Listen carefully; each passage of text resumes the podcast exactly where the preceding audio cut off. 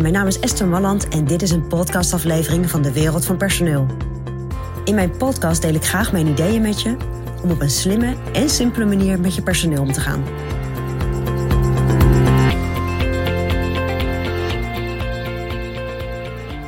Ja, geloof het of niet, maar vanochtend sprak ik met een ondernemer die binnen zijn bedrijf iets wil doen aan leiderschapsontwikkeling.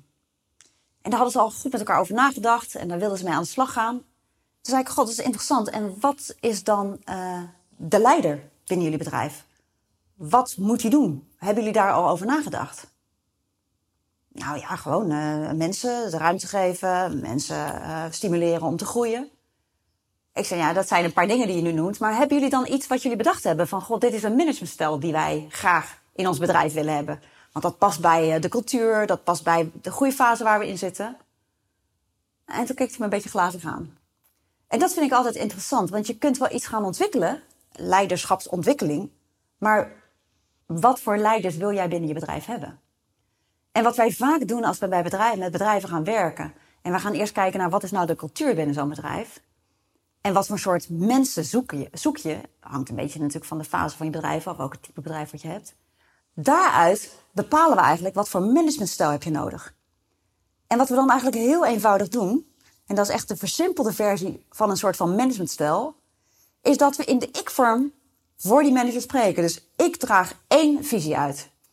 Ik benut de talenten van mijn, van mijn medewerkers en zet volop in, in op eigen verantwoordelijkheid. Ik noem maar wat.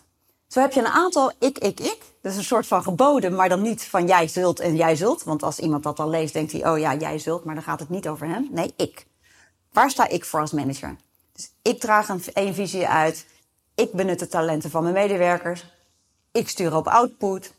Ik zorg dat wij het veiligheidsbeleid naleven. Je kunt allerlei dingen verzinnen. Maar als je even met elkaar gaat zitten en echt goed nadenkt over waar staan wij met ons bedrijf voor? Wat voor soort mensen zoeken we? hoe denken wij dat die mensen leiding willen ontvangen? Hoe willen zij aangestuurd worden? Ja, dan kan je toch al vrij snel tot een soort van managementstijl komen. En gaat die dan ontwikkelen? Want dan heb je dus twee dingen. Dan heb je één, iemand gaat lekker in zijn management ontwikkelen. Maar twee, iemand ontwikkelt dan ook in een managementstijl die past bij jouw bedrijf. En dan heb je dus twee vliegen in één klap. Dat is mijn persoonlijk advies vanuit de wereld van personeel.